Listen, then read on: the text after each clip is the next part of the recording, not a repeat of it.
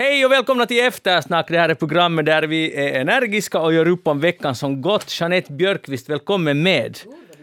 Ja, jag tänkte ta tillbaka lite auktoritet nu här.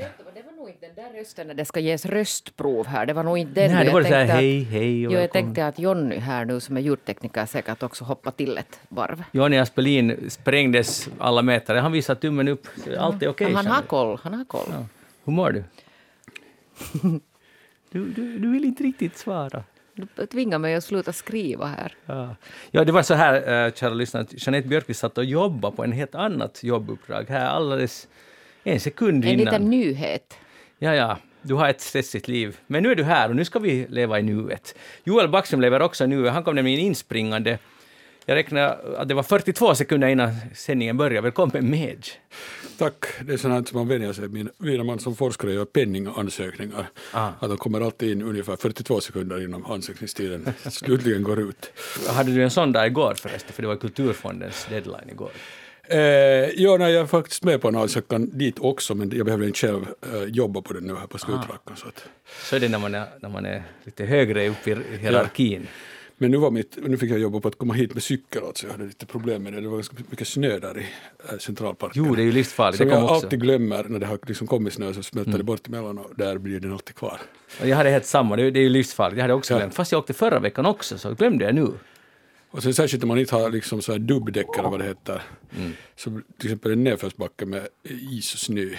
Det är inte bra. tungan ganska rätt i mun. Vi ska vara glada att både Joel och Magnus är helskinnade. Programmet heter alltså Eftersnack, jag heter Magnus Lundén och vi ska tala om veckan som gått. Och utan vidare den kändaste finlandssvenska forskaren just nu i republiken är nog ändå Kim Strandberg. Vem är det Joel Backström? Eh, han är, är han uh, pol, alltså polvetare, poli, vad heter det på, statsvetare heter det på svenska. Väl? Ja. Ja. Korrekt, professor i statskunskap vid Åbo Akademi i Vasa.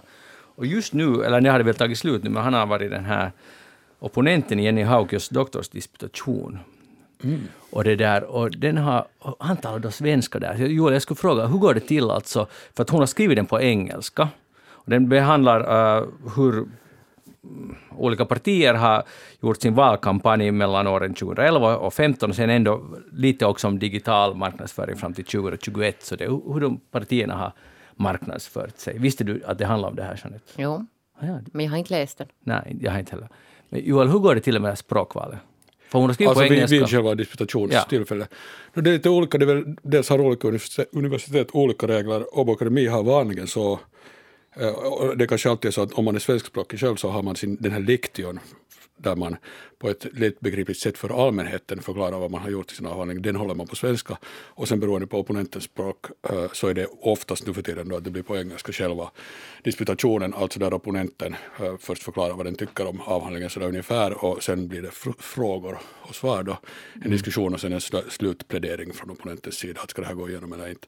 Och det är förstås på engelska om det är en opponent som Men det var på svenska nu. Jo, i det här fallet, jo, jo alltså Ja. det är förstås på svenska om opponenten kan svenska, men oftast är det ju någon Men från... hon har skrivit på engelska. Jo, jo, jo, men så vi så kan det vara på svenska fast det är skrivet på engelska. Men om, om helt enkelt båda kan svenska så kan man ha, ha det så, men säkert ofta man ska också kunna ha det på engelska förstås. Ja, ja.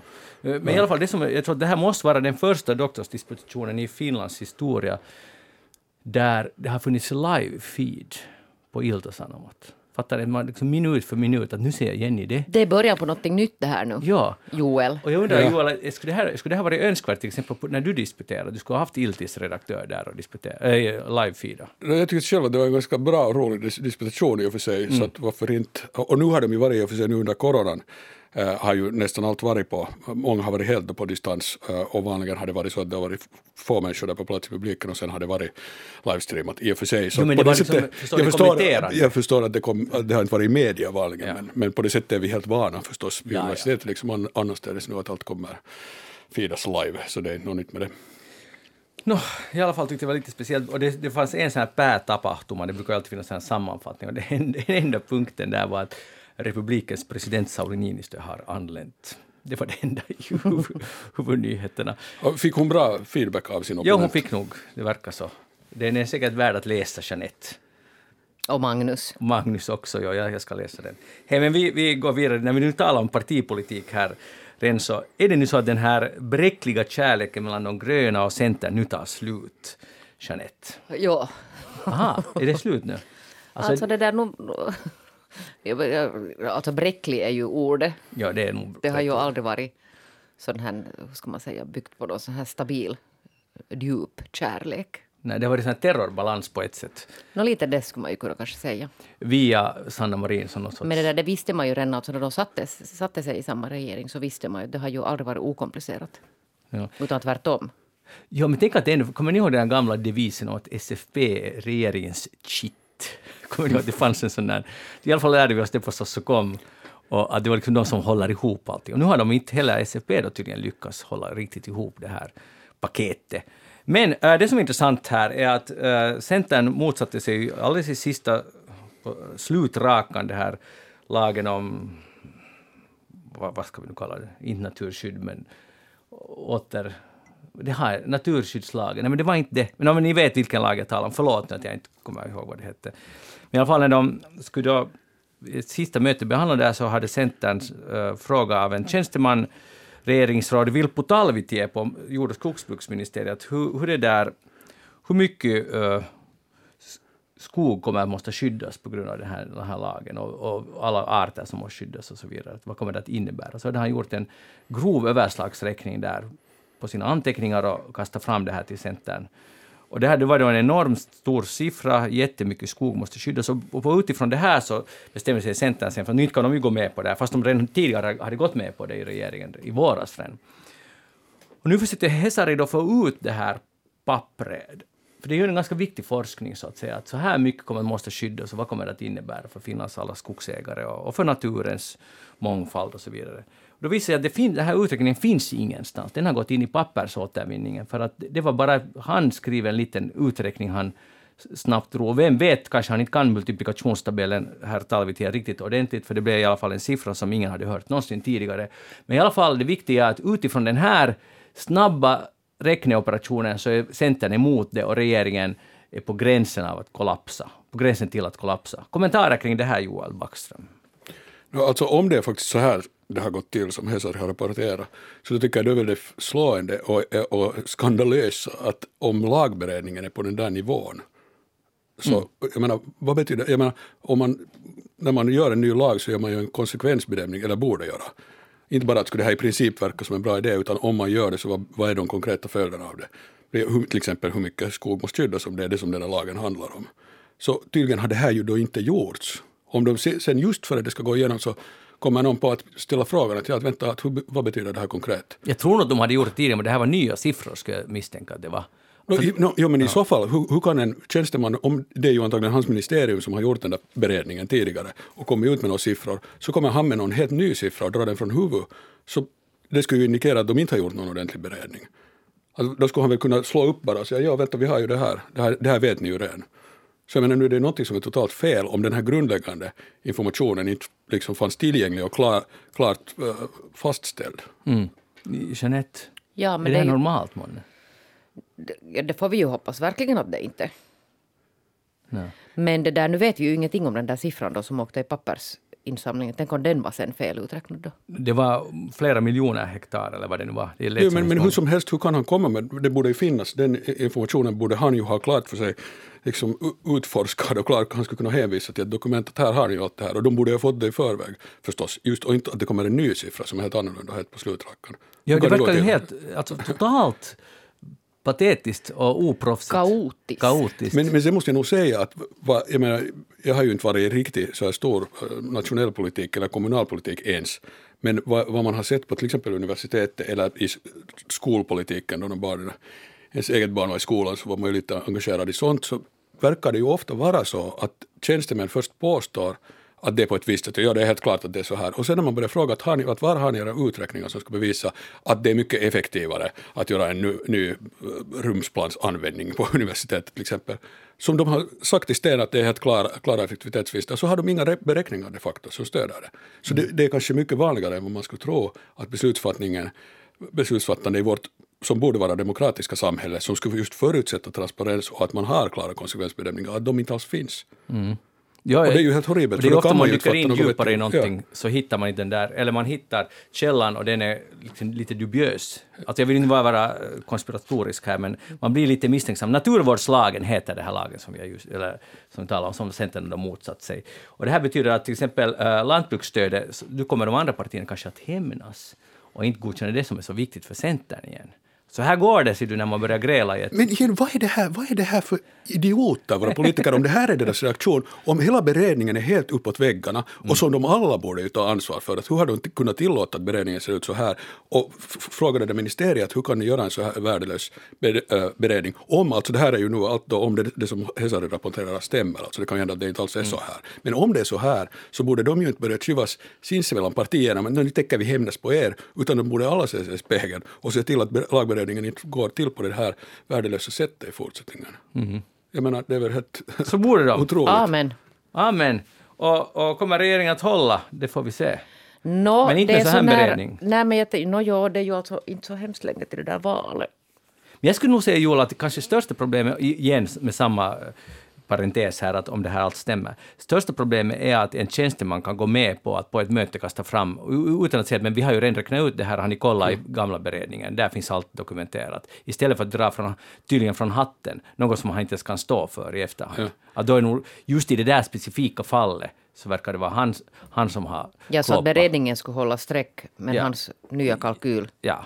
Jo, men, men nu är det ju lika, hur har de inte reagerat om de en gång har fått plötsligt en siffra som är mycket, för att det reagerade de ju på, att den var Ja. mycket högre då än vad de hade trott tydligen. Så hur har de inte reagerat på? Fråga honom där, vänta nu, att varifrån har du fått det där? Och istället har de bara gått hem och sagt, nu tänker vi, det här tänker vi inte gå med på. Och sen är det regeringskris. Ja, Ja, ja, det är helt absurt från alla håll. Otroligt oproffsigt. Dåligt, dåligt fixat. Eh, kriget tappar i popularitet i Ryssland. Det har många medier gått ut med för att Medusa, den här ryska oppositionsmedia som inte agerar i Ryssland utan utanför, eller förut var de i Ryssland men nu har de blivit utkastade därifrån, har, säger de fått reda på, tag på en uh, gallupundersökning som Kreml själv har gjort för internt bruk, där du då säger att, att 55 procent av Rysslands medborgarna i Ryssland, alltså det här är en gallup, det är inte en riktig omröstning förstås, skulle uh, vara för att man skulle inleda fredsförhandlingar med Ukraina och bara en fjärdedel, ungefär en fjärdedel, uh, stöder att kriget eller den här speci- så kallade specialoperationen ska fortsätta. Och det här påminner, eller ungefär samma resultat i en motsvarande undersökning som Levada, som är också en gallup mm, organisation eh, som de gjorde i oktober och det är ungefär samma siffror då också. Så nu börjar man ju undra att om det här är sant, vad innebär det? Att om endast en fjärdedel vill att, att det ska fortsätta, att kommer, behöver ryska statsledningen bry sig om det här, Jeanette? Alltså behöver och behöver det där, jag tror inte att de gör det. För det är alltså högst sannolikt så att det har gått sån prestige i det här. Redan att inte kan han ju backa. Alltså jag menar hur beroende är han sen sist och slutligen av sin... Han är ju liksom ändå enväldig där. Som, som det där makthavare. Men någonstans går ju ändå gränsen. Det som, Men, ja, men det skulle ju förutsätta till exempel att det syns någonstans, det här missnöjet. Eller de här protesterna. Precis. Men om man bara sitter i någon sån här... Oklart hur de här har kommit till, de här siffrorna. Sitter och tycker så här. Men jag menar, då måste man ju agera och göra någonting. Att innan de är ute på gatorna så tror jag inte att någonting påverkar. det är en bra poäng. Jag tror att det är just så Putin också räknar. Jaha, no, okej, att opinion, opinionsmätningen säger så här, men Och kan han säga att det, är- att det är fake news också. Att det inte stämmer. Joel, kommer de att gå ut på gatan? Alltså, var går inte gränsen? vet jag, men det är väl klart att så är det, att förstås före de går ut på gatan så kommer ingenting att hända. Att så är det ju i politik, att ty- tystnad fast du skulle misstycka sådär privat så betyder samtycke i praktiken. Att Mm. ingen behöver bry sig om du inte går ut och protesterar på något sätt eller kan visa ditt missnöje på något konkret Och går och röstar. sätt. Och går och röstar eller vad det än är. Men annars med det där uh, förhandling så det är ju sen om man tänker på så att säga då vår sida av äh, i konflikten, U- Ukrainas sida och frågan om att kan man äh, förhandla med ryssarna igen. Så där tycker jag att det finns en underlig äh, tendens här att man har helt liksom det som, de flesta talar ju om förhandling som att om man säger att det att det skulle vara ganska viktigt att försöka förhandla med Ryssland, så tror alla att det betyder att då går man dit och säger, frågar Putin att vad vill du ha och så ger man det åt honom. Och inte det är ju det som förhandling betyder när du har ett, en konflikt eller ett krig, utan det är ju så som det är hela tiden i krig, att man håller på att kriga för fullt från båda sidorna kanonerna skjuter på varandra och sen samtidigt sitter man och för, försöker förhandla och ser om man kan hitta någon form av lösning som på något sätt skulle vara acceptabel för båda sidorna. Det är ju så som det går till när, krig, när det blir slut på krig. Det är vanligen inte så att någon helt förintar den andra sidan och sen liksom skriver man på något kontrakt, utan man förhandlar. Och det är förstås den, hur förhandlingen går beror helt på hur det, vad som händer på slagfältet. Men man förhandlar parallellt med att man krigar. Mm. Och det tycker jag att det är jätteunderligt att man inte från vår sida ändå tycker att det skulle vara självklart att man nu försöker ens förhandla. Jag inser förstås att det, tota- det är jävligt svårt att se hur man skulle kunna förhandla nu, givet vad, vad båda sidornas positioner är. Men å andra sidan om man tänker på att vad det där, eller inte å andra sidan, utan bara om man tänker på vad det här krigets konsekvenser är för Ukraina som blir totalt sönderbombat och förstört. Och det dör liksom hundratusentals människor i det här kriget på båda sidorna. Och, och som förstör äh, äh, ekonomin i hela världen, skapar hungerstrejker, energi, äh, brist på energi överallt. Och vi i Europa kommer verkligen att vara redan nu den här vintern och nästa vinter har enorma problem med det här. Så det, och sen har vi den riktiga, genuina möjligheten av kärnvapenkrig. Så det är en otroligt farlig situation. Och att då vara helt sådär att, ja, nej, nej, att vi bara, äh, att det är allt, Putin måste, måste ta sitt ansvar uh, och förhandla. Vi tänker inte göra något, vi bara krigar på och hoppas att det går jag bra. Tycker nog att Putin... och klart, klart, man måste, jag säger inte att man ska sluta kriga, mm. utan men ska man inte förhandla samtidigt, eller se om det finns något att förhandla om. Ukraina har ju sagt ja. att, att om ni går, tar tillbaka era trupper från Ukraina, då kan vi börja förhandla. Jo, jo, jo, men förstås det är ju att säga att vi tänker inte förhandla. Det är ju att säga, förstås, för de är ju nu där inne, kommer de ju att dra tillbaka sina trupper och sen börja förhandla. Det är ju inte så som, jag menar, om man genuint vill förhandla så kan man inte gå till bordet med, med någonting och säga att det här är absolut oförhandlingsbart så man vet att den andra sidan är Jag tror inte att Ukraina har en stor lust, och det förstår Klart att de inte har någon lust att förhandla nu, men ändå måste man förhandla fast man inte har någon lust att förhandla och se och sondera om det finns någon möjlighet. Varför ska vi tvinga dem som blir attackerade att nu måste ni nog gå med på någon dålig kompromiss? Alltså, inte ska vi tvinga dem att gå med på någon... Bli inte tokigt att svara istället mm, på ja. frågan. Nej, nej, men det är ju klart att vi, inte det är så att vi ska tvinga Ukraina till någonting, men för det första är det så vi, alltså om man nu tänker hela mm. EU och NATO är ju med i det, en part i det här kriget på det sättet att Ukraina är helt beroende förstås av vår vapenhjälp. Mm. Uh, och det har vi bestämt att vi ska hjälpa dem att föra det här kriget, så man kan ju inte liksom påstå att vi inte är med alls i kriget, utan det är bara Ukraina gör helt vad de vill. Och till de facto var det ju så om man talar om att nu när alla säger att Ukraina måste få bestämma själv, och det är klart det är deras land som är under attack, så det är klart att de har ska sitta vid bordet och bestämma. Men i, bör, i mars var det ju faktiskt så att ukrainarna själva ville eh, förhandla, eller satt och förhandla med ryssarna eh, i Istanbul och de var, det verkar vara ganska nära någon sorts förhandlingslösning. Och då pressar ju uh, NATO på dem att de ska inte gå med på en förhandlingslösning. Ukraina säger att det inte stämmer. Ja, okej. Okay. Det kan hända att det mm. inte stämmer, men det finns många indicier som tyder på att det stämmer. Och förstås om det är sant så skulle Ukraina säga att det inte är sant. Så, men kanske det inte är sant, det kan hända att det inte är sant. Men jag säger bara att, att det, det, är ju naivt att tro att inte NATO äh, skulle vara där äh, och, och vilja påverka och, eller ha sin, äh, sitt att säga om hur Ukraina ska ha, ska ha handla eftersom det är de som står för alla vapnen.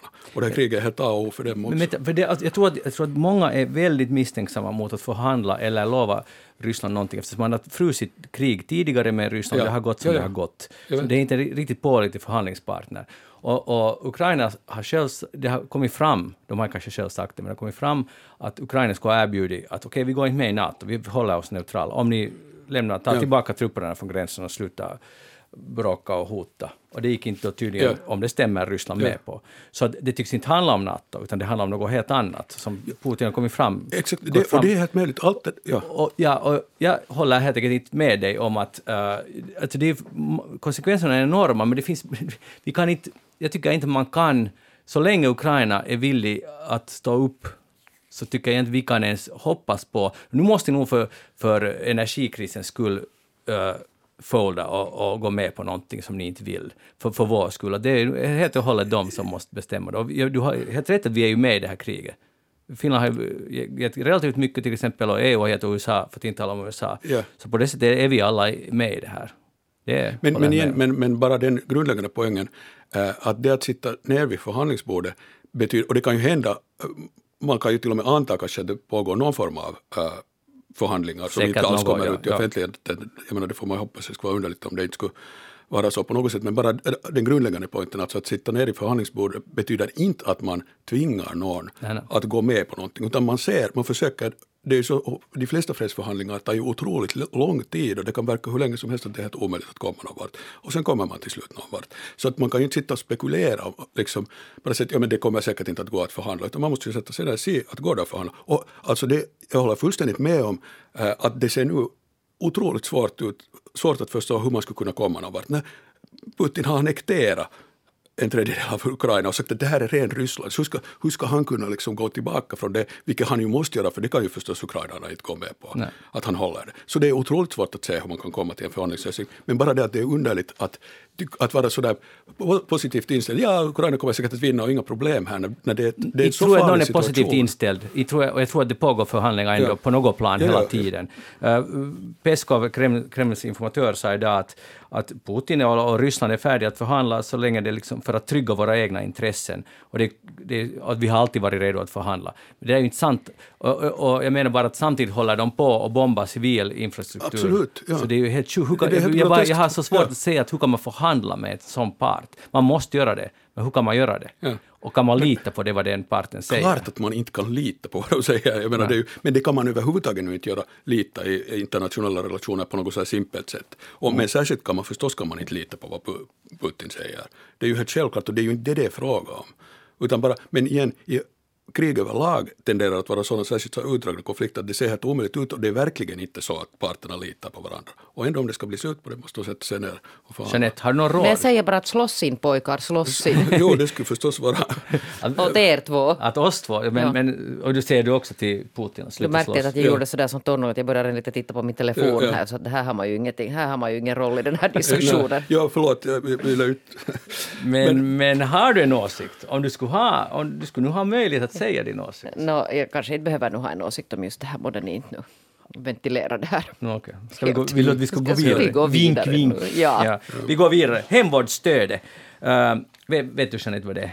Ja, det är väl om man vårdar sitt barn hemma så får man ett stöd. Precis! Eh, Upp till tre års ålder så kan man ha hemma sitt barn, eh, sin bebis som sen blir en lite, en lite större bebis och sen får man lite fyrka av staten för att man inte belastar då dagisar och sådär. Och, och, och de pengarna är inte så, det är inte så hemskt stora summor det handlar om. Men nu har, då, eh, nu har det här undersökts och, och det är Finlands akademis, akademis spetsforskningsenhet för skatteforskning har försökt ta reda på att är det här bra för barnet och för, av någon anledning talar om mamman endast, att man gör så här, att man håller sitt barn hemma tills det är tre år istället för att sätta det på dagis. Och nu har de kommit fram till att det är uteslutande dåligt.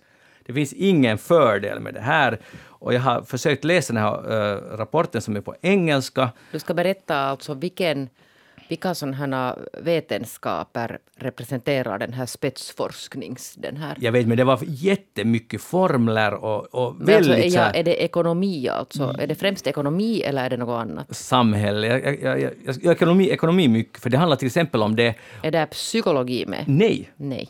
Eh, så, det är just det här som är lite min poäng. Det handlar om ekonomi, om att uh, tydligen då modern, och det ska inte oftare mammans ekonomi eller löneintäkter kommer att sjunka naturligtvis också på lång sikt för att den ena föräldern är längre tid hemma och, och inte med i arbetslivet. Det betyder att 10-20 år efter, 20 år senare så är man lite bakom alla andra som har jobbat snabb, gått tillbaka, snabbare tillbaka till arbetslivet. Det är en aspekt. Andra aspekten är, påstår de, att kriminaliteten hos Ah, just det, det var den där hos jag... eh, 15 till 18-åriga barn som har fått, varit en familj som har lyft hemvårdsstöd, det finns en högre tendens att de blir kriminella. Och det här var citerat bland annat på YLE, ganska utan kritik, att ja, så här är det. Och så började jag tänka att kan det här faktiskt stämma? Att man blir mera kriminell om man har varit hemma med mamma eller pappa tills man är tre. Och det de påvisar påvisar en ganska lång rapport med väldigt mycket tabeller, lite svår att förstå också för mig som ändå tror sig kunna lite matematik. Men de kommer fram till, det finns en, ett diagram där de visar att, att när man har undersökt 15 till 18-åringar så finns det en alltså ungefär, så där ungefär, var det nu 5 procent av 15 till 18-åringar kommer någon gång att begå, begå ett brott under den här tidsperioden. Och då finns det, om man har varit i hemvårdsstöd, så är det ungefär 5,22 procent som begår ett brott. Och det här är då skillnaden. Och, de, och det stämmer att, att det är en 5-6 procents ökning, ökad risk. Men i räknat i, låt oss säga att det finns tusen eller vi säger att det finns 100 barn, 100 barn som har varit på dagis och 100 barn som inte varit på dagis. Så de där så blir det, vad blir det nu, 4, uh, var det? 4,4 jämt är kriminella och 4,24 eller 4,22 är kriminella av de där som har fått hemvårdsstöd. Och det här gör till exempel Yle en nyhet på, det här gör de en nyhet på, och de, deras slutsats i hela den här utredningen är att det finns inga fördelar med hemvårdsstöd. Och de har inte alls beaktat en sån liten detalj som att många upplever i alla fall att det är ganska trevligt att vara hemma med sitt barn och få en, göra en anknytning, en riktigt ordentlig anknytning till det där barnet i dess unga ålder. Kommentarer på det? Dåligt skött bevakning. men det här är spetsforskning. Ja, jag förstår att det är spetsforskning, men det där... Hmm, hmm, hmm, vad ska man nu säga? Det är klart att de går ju ut med den här då, om det var kanske det största de kom fram till i sina långa utredningar. Men det där... Men det är ju nog så att man borde titta lite på att vad baserar det sig här jag har just berättat vad jo, jag vet, att, jag vet att du har gjort det, men det där...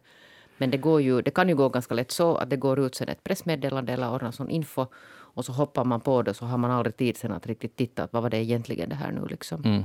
handlar om. Ja, det, här inte ett, det här låter ju igen bara baserat på vad du säger, jag har inte läst den här forskningen, men så låter det som ett typiskt fall av så som statistisk forskning ofta rapporteras och inte bara av journalister utan också just av vetenskapsmän som vill, äh, helt enkelt vill få uppmärksamhet för sin forskning i offentligheten. Mm.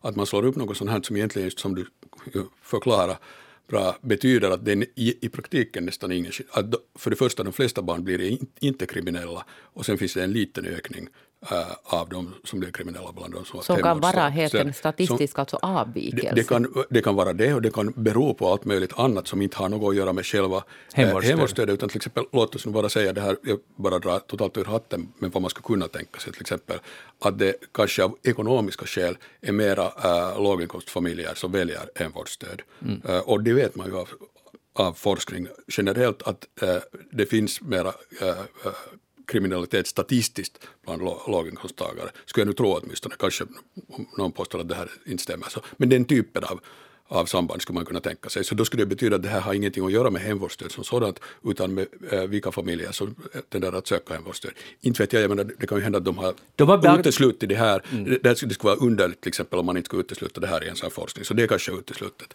Så det kan hända att de har uteslutit alla uppenbara skäl till varför det här skulle kunna vara på det här sättet och då blir det här kvar som, som förklaring. Men låt oss anta att det är sant, för, ja. för de, hade, de hade nog funderat på det där med inkomst och allt sånt här. Och nu vet jag inte vad det är utjämnat till just i de här siffrorna som just där, men det här är de enda siffrorna när det gäller kriminalitet som de pekar ja. på. Så om, om, det skulle, om det skulle vara sant att man, det är större risk att du blir kriminell om du är hemma med mor eller far tills du är tre, vad skulle det kunna bero på? För det blir ju först intressant. Ja, intressant. Att man blir liksom, man blir, man blir liksom maffiatyp om man är hemma. Jag är väldigt svårt att tro på det här, men det kan ju vara att jag har fel. Vad skulle det kunna vara? Ja. Och det är ju jätteviktigt igen just med statistisk forskning att så länge du bara har ett statistiskt samband och fast det är uppenbart att det här sambandet finns men du inte alls vet vad det kan bero på, att vad är det här kausala, vad är det som, varför leder det till att du blir kriminell så att säga med större sannolikhet om du stannar hemma. Så före man har en förklaring på, en förståelse av vad är, vad är den här mekanismen här som gör det, så då mm. be, betyder den där statistiska forskningen tycker jag ingenting, då har vi en fråga, inte ett svar. Mm. Uh. Jeanette, hade du din dotter hemma eller dagis? Hör du, så fort det gick så får hon till dagis, så hon kommer ja. inte att bli kriminell. Nej, nej, men det är ju skönt nog. Ja. För det, och dessutom kommer din lön inte att hänga efter. Nej, men det där, men jag det där tycker jag ju inte så, att man ens teoretiskt ska gå in och börja spekulera det här, för det här alltså, det finns ju ingen grund nu för det här att börja spekulera i att barn som har varit hemma Nej. med sin förälder, det är ju alltså direkt nästan förolämpande. Det finns en massa, och det är helt sant som Joel säger att att av olika skäl så kan alltså sådana äh, familjer med alltså lite sämre ekonomi eller alltså där, där mamma kanske är till exempel på noll avtal och, det där, och inte liksom, jag menar, sen när man får på mammaledigt så har man inget jobb att återvända till och då blir det sen sån här att man kanske stannar hemma för att det, att det är trevligt och det finns inte någon sån här äh, akut liksom, arbetsplats som man behöver hoppa på eller ens kan hoppa på kanske.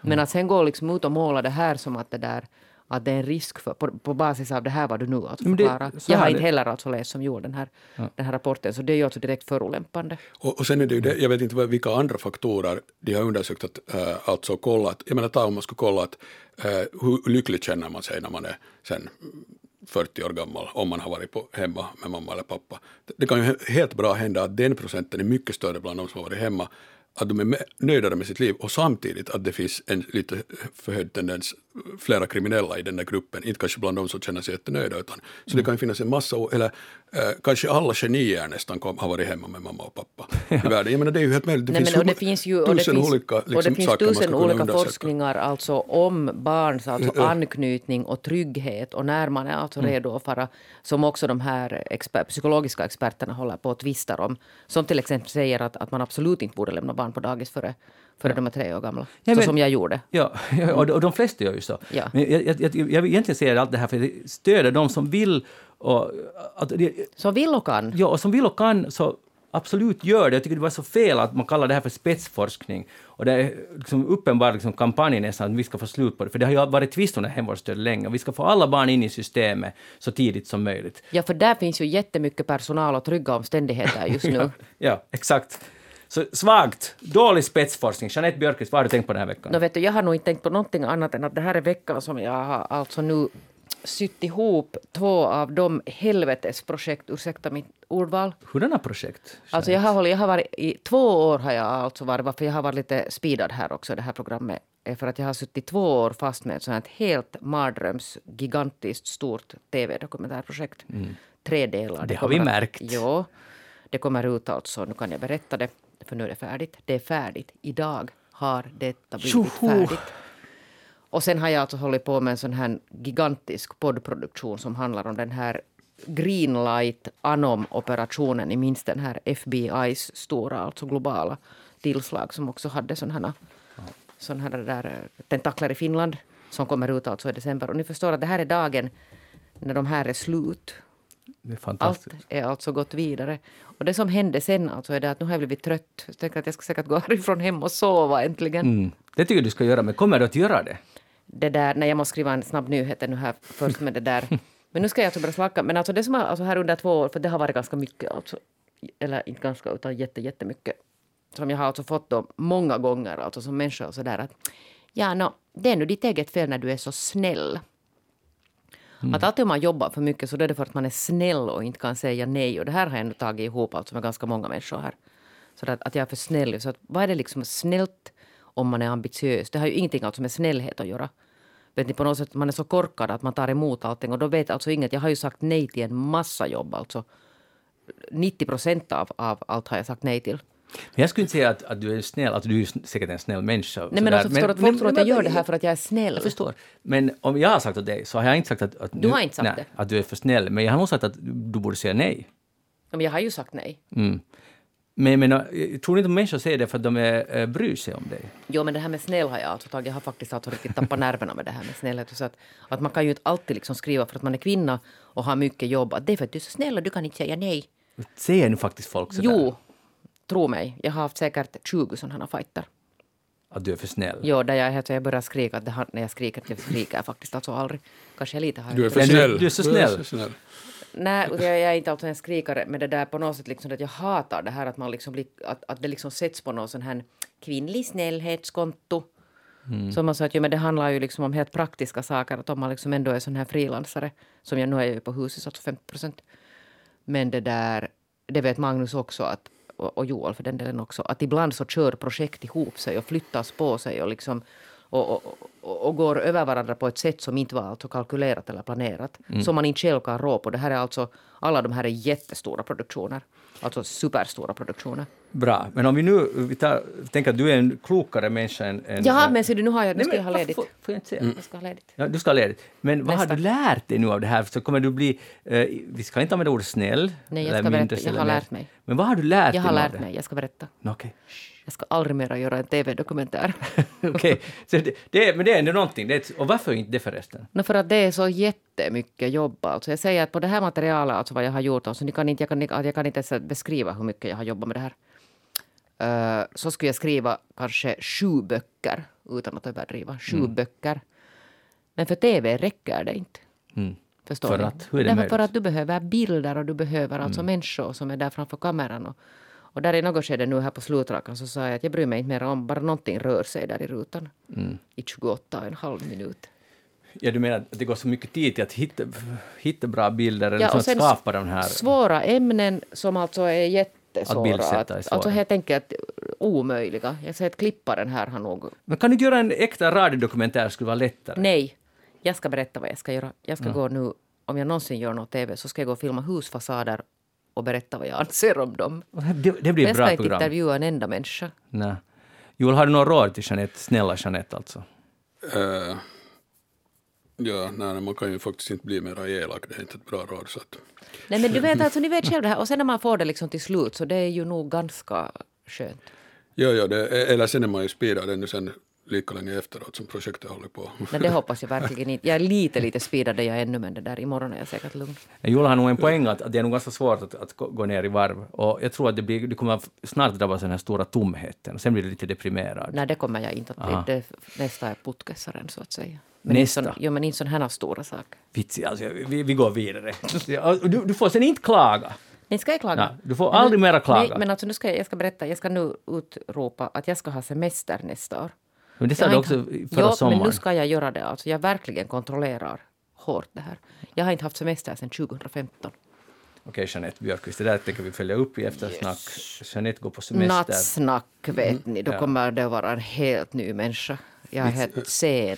Jeanette 2.0. Mm, ja. Det här blir fantastiskt att se. Vi ser den här förändringen som börjar från och med nu, helt enkelt. Ja. Vitsi.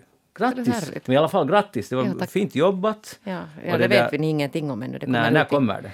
Det kommer att komma på arenan i slutet av januari och på TV1 eh, klockan 20 från och med början av februari. Tre torsdagar i rad. Prime time. Huh, ta det lugnt, det är bra.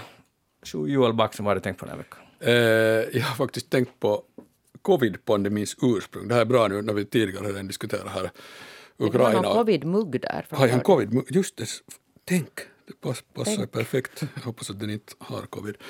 Det där. Nu kommer jag att framstå som total så här, galenpanna efter att förs- ha först ha försvarat Putin, vilket jag verkligen inte vill- ville göra. Eh, och, och nu kommer det här någon sån här foliehattsteori. Men poängen är alltså att den där, alla vet, kommer väl ihåg den här labb, teorin om en labbläcka. Det, så, det finns ju två eh, hypoteser om hur eh, covid från början, den här viruset, kom till världen. Och det ena är då, och det som har varit den officiella idén har ju varit att det har spridits helt på naturlig väg via, från djur till människa, människor. Och Från smutsiga djurmarknader. smutsiga, smutsiga djurmarknader i Wuhan i Kina. Och det som alltid har då redan från början så fäste vissa människor uppmärksamhet vid att, hmm, men att precis bredvid den där djurmarknaden så finns också världens ledande äh, äh, SARS-virusforskningslaboratorium i samma Wuhan. Att är det inte ett lite sammanträffande att äh, covid startar just här bredvid men inte kommer från det där laboratoriet, för det är då den andra möjliga hypotesen, att det kom från en läcka från laboratoriet alltså. Äh, och nu, och då tidigare, den, den teorin var först helt att folk tog det på allvar och sen avfärdades den jättesnabbt i början på pandemin äh, som en total, att du är en galen konspirationsteoretiker om du tror på det här. Nå, nu äh, så har till exempel då, i september, så för en tid sedan redan, så har Lancet, som ju då ändå är den ledande eh, tidskriften för medicinsk forskning i världen, eh, publicerat en rapport där de säger eh, att ingen vet vilken del av teorin eller hypotesen stämmer, hur det gick till, men det är absolut inte alls klart att det inte var en labbläcka, utan det finns starka indicier som tyder på att det ska vara en labbläcka, men de tar inte ställning för någon av hypotesen. De säger att det här borde helt på riktigt utredas hur det var. Och det som är groteskt är att det inte har utretts ordentligt ännu. Men gjordes det inte något försök? De De for dit, dit, de de for for dit. De for dit och, men tydligen enligt det här, och det här nu rapporterar jag bara vad de här Lancet-utredarna säger, så den utredning som gjordes då, där, där drog de helt enkelt helt förhastade slutsatser. Att det, inte- för det första är det så att det, aldrig, det, det borde, liksom man skulle förvänta sig att det skulle finnas bevis på eh, den här, om det skulle vara den här naturliga spridningen, det vill säga att man ska hitta de där djuren som, djur som har covid och från vilka det har spridits till människor. Men de, sådana djur har aldrig hittats, vilket man i, i motsats till exempel med de här tidigare sarsettarna och mers och de här, så har man hittat som spreds också från djur. Så vet man, man har kunnat dokumentera dokumentera den här vägen från vilka djur det spreds till människor och man har hittat sådana djur. Och det har man inte gjort när det gäller då våran covid. Eh, Så det finns, in- vilket ju inte betyder att det inte var en naturlig spridning, det kan bara hända att man inte har hittat de där djuren, men det är underligt att man inte har hittat dem. Så, och- det betyder också att ingen har kunnat på det sättet bevisa att det är en naturlig spridning. Och sen finns det då de här underliga sammanträffandena som det kanske är, eh, eh, som skulle tyda igen på att det är en labbläcka som, alltså dels är det det då att det där Wuhan-institutet var det världsledande institutet på att forska just i sars-covid-virus. Att de plockar virus från eh, eh det är ju fladdermöss som har de här just virusarna från Laos och södra Kina och så där, inte, de, de finns inte där i Wuhan. Eh, och så började de eh, forska i de där virusen där på Wuhan-laboratoriet. Både liksom kolla, och redan att man har de virusen där är förstås en riskfaktor i sig om de skulle läcka ut därifrån. Eh, men sen vad de också har gjort eh, och varit också världsledande på då, eh, eller åtminstone bland de ledande i världen, är då att göra så forskning genom att man genetiskt manipulerar de här naturligt förekommande virusarna kombinerar olika varianter av dem och så vidare. För det här som kallas gain of function forskning, där poängen är att, du, att, du, att forskare på flit alltså framställer virusar som inte finns i naturen nat- naturligen, som eh, man gör dem sådana att de kan smitta människor lättare eller bli farligare för människor. Och, det, och idén med den forskningen är då att man på det sättet ska kunna liksom i förväg så att säga förbereda sig, skapa, skapa mediciner, vacciner mot det och så här. Och, men den uppenbara faran förstås med sån forskning är att det, så skapar man ett virus som i misstag kommer ut och de facto smitt, så man har skapat en sjukdom som inte först fanns. Och det är då det som är möjligt att hända eh, i Wuhan.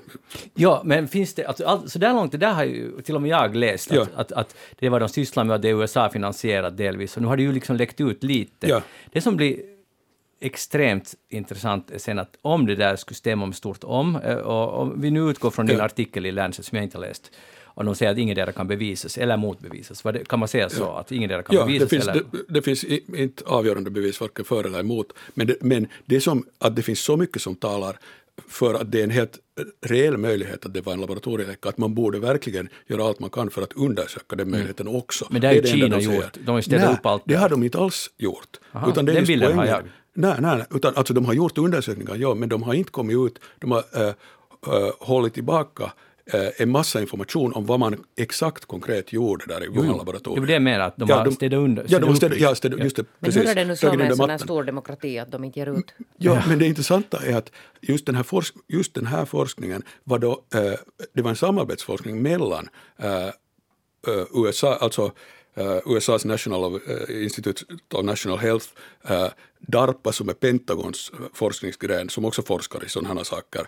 Ja, man kan fråga sig varför, men, men så olika, alltså helt offentliga, offentligt finansierade amerikanska myndigheter som var med och samarbeta på just den här forskningen som gjordes i Wuhan, alltså men på amerikanska pengar och med amerikansk expertis delvis. Och de har inte från amerikansk sida heller kommit ut med den information de sitter inne med. Mm. Så, så att, och det är ju ganska underligt om man tänker ändå att covid, var, ju- det är liksom den viktigaste saken som har hänt på jättelänge, för det har liksom format våra liv, allas våra liv i några år. Nästan 20 miljoner människor har dött globalt av det. Att det skulle vara jätteviktigt att ta reda på hur, att vad hände här på riktigt. Både för att veta hur det gick till och sen för att kunna i framtiden se till att det inte händer på nytt. Men äh, Jeanette, vad tror du skulle hända om, om det skulle komma fram att det kanske ligger någonting i den här teorin som ju nog har skrattats åt? Och det, är delvis Men har det verkligen skrattats åt nå den? lite, eh, och det, ja, det har liksom bara försvunnit. Och det ett, en bidragande orsak till att lite skrattats åt det, och också jag har skrattat åt det, är när Donald Trump kallar det för Kina, China virus, och, och, och på något sätt lite antyder dit. Och det har mera sådana här vad ska jag säga, höger eh, i USA som har lyft upp det här, då, då när det började 2019. Och därför har många skrattat, också jag. Eh, och, men sen om det nu skulle visa sig att, att det ligger någonting i det här, för min teori är att, att det kommer aldrig att kunna komma fram, i alla fall inte för den, i den här generationen, för att våra samhällen skulle inte klara av det, för att det skulle vara shit, att har vi själva så att säga ställt till med det här? Det var inte bara på något sätt oundvikligt. Ja, men sen också det att hur skulle det kunna komma fram? För att vi måste komma ihåg att Kina är nu kanske inte det mest transparenta samhället Nej. i, i världen. Så det där, att det någonsin skulle kunna gå att göra den utredningen alltså på ett sånt sätt att, det där, att man kan lita på den. det måste bli regimskifte. men, men typ. poängen är alltså tydligen, för det här säger också de här Lancet-utredarna då, att det finns en massa information i USA som i princip borde vara, alltså av de här offentliga finansiärerna där, de sitter på, för att de var med och gjorde den här forskningen, så du behöver inte fara till Kina och sett, mm. liksom be Att de ska ha fått ut sån de här... har, de har fått vet, äh, rapporter på hur går forskningen och så vidare. De vet vilken forskning de de facto har finansierat där, men de vill inte ge ut uppgifter om det. Att det, där, det, som, ju var, för de forskar, det som läckte för typ ett år sedan, tror jag det var, från då, äh, som var så DARPA-finansierad, alltså Pentagon-finansierad forskning, var, e- eller det var alltså en ansökan om att få börja forska. Och det, det, var ju en av de här som är verkligen så att man började fundera, kan det här på riktigt vara ett sammanträffande? För att den forskning de då ville göra handlar just om att ändra på den, lill, den del av det här, vårt covid-coronavirus som är annorlunda än i vanliga sars-coronavirusar, eh, som är, är just precis den bit som gör att det här har smittat, smittat så bra mellan människor. Och den forskning de då ansökte om att få börja göra i Wuhan med amerikanska pengar handlar just precis om att ändra, manipulera existerande sars-covid-virus så att de får just den här äh, egenskapen som vårt covid nu har. Så att, och igen, att jag menar, det är ju helt otroligt att det inte finns en enorm press på att all den här informationen måste ut, helt globalt. Jag menar, alla i världen borde vara, det här borde, vi borde inte vara intresserade av något annat lika mycket som det här ungefär. Och ändå så har det Jag inte är intresserad, men jag håller med, det är konstigt tyst. Och det är lite som om vi skulle nog vilja att det här var bara allt en mardröm och nu måste vi gå vidare. Ja. Att jag tror att folk inte uh, vill mera ha Nej, något nej, med det här är att det. göra. Förutom i Kina där de ju tvingas ha att göra Ja. med det. Uh, och nu börjar protesterna lite spridas där. Men, men, det är bara det att det är så här man får sina mardrömmar, för att man inte vill utreda den, reda Jo, jo. upp vad som hände i den gamla mardrömmen, så betyder det att man snubblar vidare till nästa mardröm. Ja. Och, och hela, igen, att hur kan vi, vad är det för skillnad på oss och Kina? Det borde för fan vara en skillnad mellan oss och Kina som är en totalitär stat. Men vad är det för skillnad mellan oss och dem? Om vi också tillåter våra myndigheter att göra precis vad de vill och ingen, inte kräver någon insikt i någonting. Och när allt skiter sig så går man sen bara vidare och hoppas att det inte ska hända igen. Skulle menar- du Jeanette publicera om du skulle få vattentäta bevis för att Ja. det var eh, läckage? Utan alltså att blinka. ja. Bra, så vi har i alla fall en om det här ska vi Jag är helt säker på att det där, de flesta journalister alltså med lite vett i huvudet, om det alltså vattentätt verkligen alltså verifierat trovärdigt så absolut. Men håller är med om att, har, att man har nog lite skrattat åt det här? Liksom att, alltså, så här, No, du, ja, du, du, ka- kanske gör nog på något sätt med det där. Men inte tycker, jag tycker nog att jag skulle ha hört om de här teorierna, alltså de här spekulationerna i helt Ja, alltså ja. det där, vet ni, seriösa sammanhang också. Ja. Och, men det, det är alltså viktigt på riktigt att säga att det här är inte på det sättet spekulation, att det finns en massa saker som man vet att det är fakta och, och det vet man också nämligen att den där biosäkerhetsnivån i Wuhan det där virologiinstitutet var under all kritik. Kineserna själva kritiserade. Så man vet att det finns verkligt stora möjligheter att det ska kunna spridas Ja, och det. Och det är ingen ju- spekulation, men ingen vet förstås att det var Nej, så det där har jag också läst. Nej, och det låter Men- ju helt alltså när, man, när, man, när Joel nu förklarar det och det där, den som nu har lite läst om det här, så det låter ju inte alls omöjligt. Om man tar det helt så där med bondförnuft och tittar på det. Ja. Men jag ser bara att, att uh, jag håller helt med, att det skulle kunna vara, det är helt möjligt, det är sant. Men jag är inte så säker på att våra samhällen klarar av den här fakta. I Men varför in- inte? Därför för att, eller i alla fall om det skulle ha kommit fram för två år sedan när det var som värst, den här lockdowns och allt det här. Vi alla gör en massa saker för att det ska liksom för vi ska komma vidare och, och vi kan inte göra någonting sånt här i naturen ibland och det är ingenting vi kan göra. Om det här sen allt skulle vara förvållat av människor själv, av, som Joel sa, skattefinansierade forskning och det har läckt ut, så det skulle bli liksom någon form av revolt mot allt. För, att vi skulle liksom Alltså, om du tänker hur stort det var som Joel sa. Men vi tror alltså hellre för att den här... att massa människor har dött. Ja, men har ni Och- alltså, ni vet den här, alltså, den här, alltså den här djurteorin, var det inte för att de har ju de här helt vedervärdiga, De har det, de ja. här, de här marknaderna där man säljer alltså allehanda sådana här exotiska djur Ja. som är så smutsiga och äckliga och, och hemska. Och där ska det alltså då Det är ha- lättare att tro på det. och- Men det och det är klarar vi då av. Ja, det klarar vi. För det där Visst. borta i Kina, de... Och, och de ja, ja. fortsätter, de här djurmarknaderna. Det, det klarar vi av också. Ja. Där Och det jag menar- påstås att den här covid Ja. kom från. Men, just, men jag menar att då får vi hålla kvar vår, eh, vår tro på, Mm. eller som då kanske är helt illusorisk, och för, särskilt om vi inte vill utreda det så är den ju helt illusorisk, vår tro på att våra myndigheter och vetenskapen finns här för att skydda oss.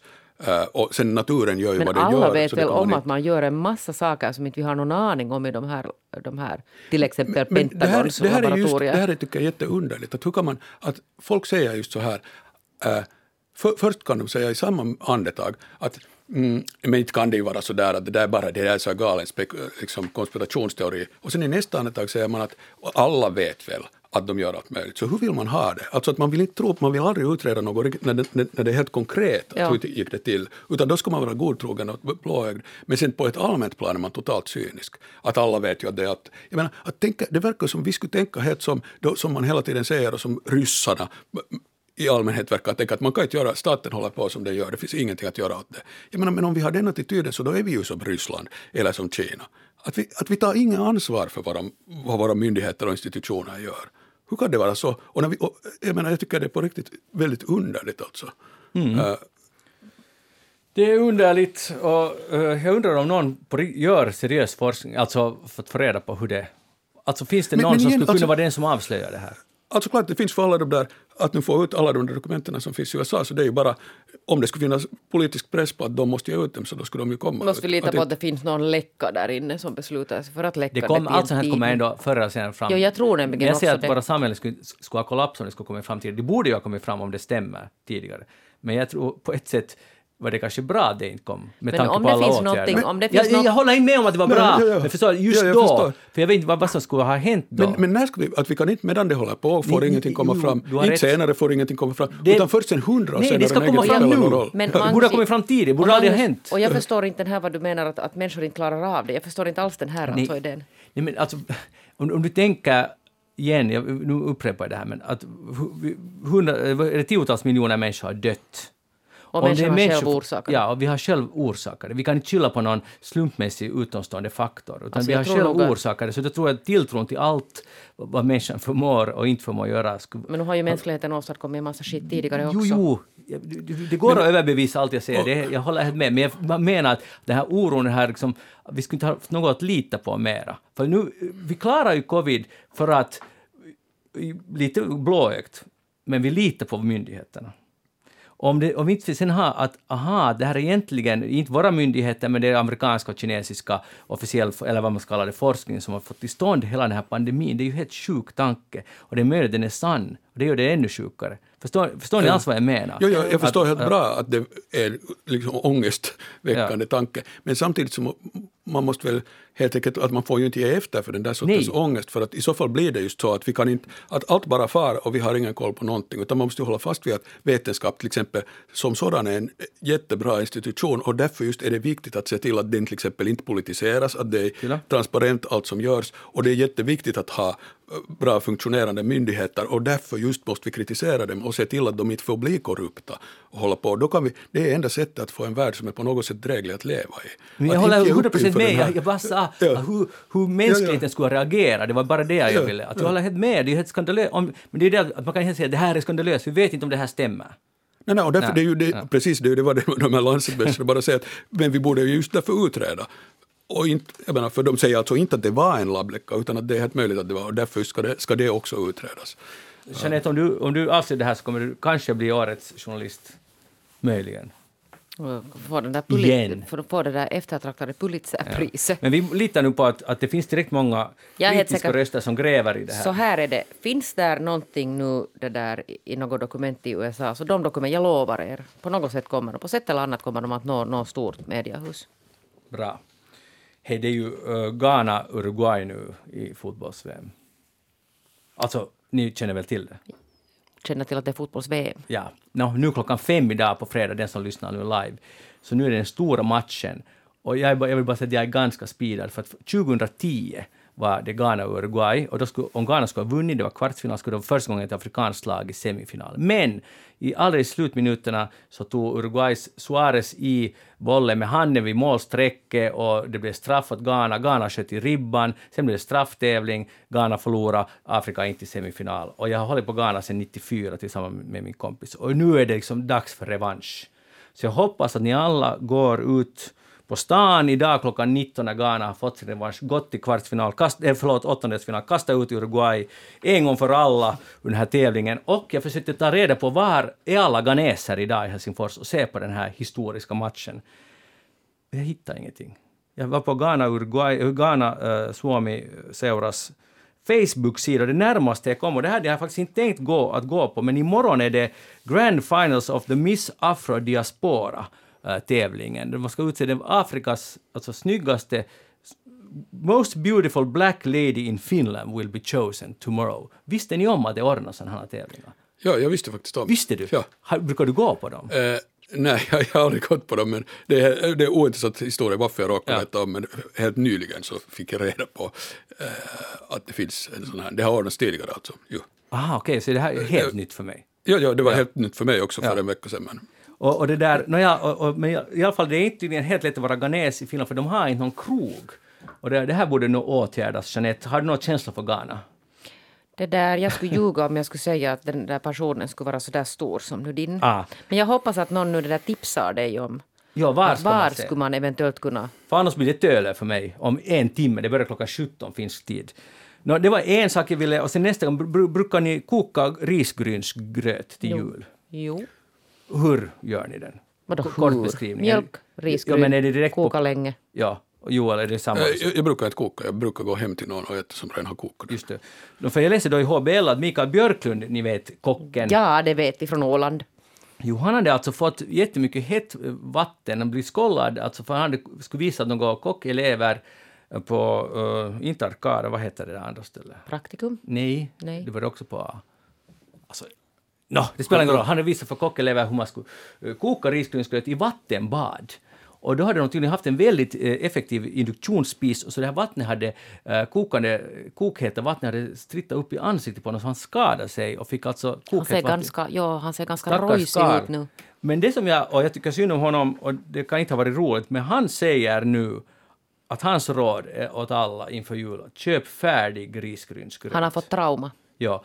Och jag tycker att det här är lite hemskt nu, att vi skulle, alla finlandssvenskar, för han, har, han talar också till fin, han är ju ganska pop, om alla nu går och köper färdig risgrynsgröt, jag tror inte det här blir alls bra. Vi måste liksom värna om traditioner. Nej, men och det där, nu finns det ju många som har kokat många, många, många år och det har inte gått så där. Mm. Men kanske man inte ska det där göra så som han gjorde. Det var det vattenbadet. Plus i- effektiv induktionsspis. induktion. Men de flesta har ju induktionsspis. Jag Ja, förstår ja. inte riktigt hur det, hur det... Det måste vara någon helt otrolig otur som det hände. Ja, man ska göra det på sådär, inte sådär avancerat sätt utan riktigt sådär gamla hederliga, så Men hederliga står du där och vevar så det inte bränns i botten? Ja, förstås. För man måste vara ganska noggrann. Jo, jag vet. Joel har aldrig kokat själv, men du vet att... Jag, jag vet ju att, eh, men alltså om man vill rädda sitt ansikte så måste man stå och veva. Så är det. Jeanette Björkqvist, tack för att du kom med och delade med dig dina grötinsikter. Joel Braxton, tack för att du var med här idag. Jag heter Magnus Lundén, programmet Eftersnack. Ni får, vi har talat om mycket som ni säkert har åsikter om. E-posta oss på eftersnacksnabelayle.fi eller gå in på facebook.com eftersnack och tyck till om Ryssland och eh, Wuhan så hörs vi vidare om en vecka. Hej då!